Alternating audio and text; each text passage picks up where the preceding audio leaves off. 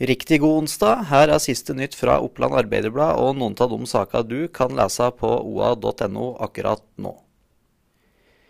En mann i 50-åra krasja med en betongkloss i Gjøvik, nærmere bestemt i nordenden av Trondheimsvegen, natt til onsdag. Det må ha vært noe hastighet, for betongklossen har flytta på seg, sier operasjonsleder Marianne Brun til Oppland Arbeiderblad. Klikk deg inn på oa.no og les mer om eh, den elleville kjøreturen på oa.no. Meglersjef tror boligprisrekord kan bli stående ei stund. Thomas Heimdal er Eiendom Norges talsperson for boligmarkedet i Oppland, og mener prisrekorden som ble satt på Gjøvik i april kan bli stående lenge. Les mer om boligmarkedet på oa.no. Her kommer det folkebredbånd i Søndre Land. Klikk deg inn på oa.no og se kart og oversikt over hvor det skal bygges ut eh, bredbånd i Søndre Land kommune.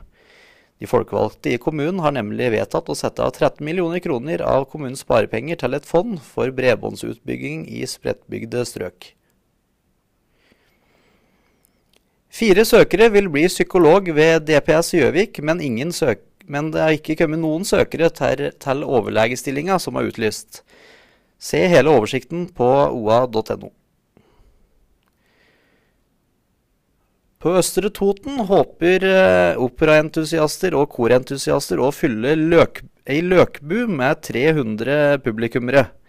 Hoff korforening går nye veier med sin nye dirigent Sindre Hovland. Les mer om planene deres på oa.no. Vi håper, håper du får en fortsatt fin onsdag.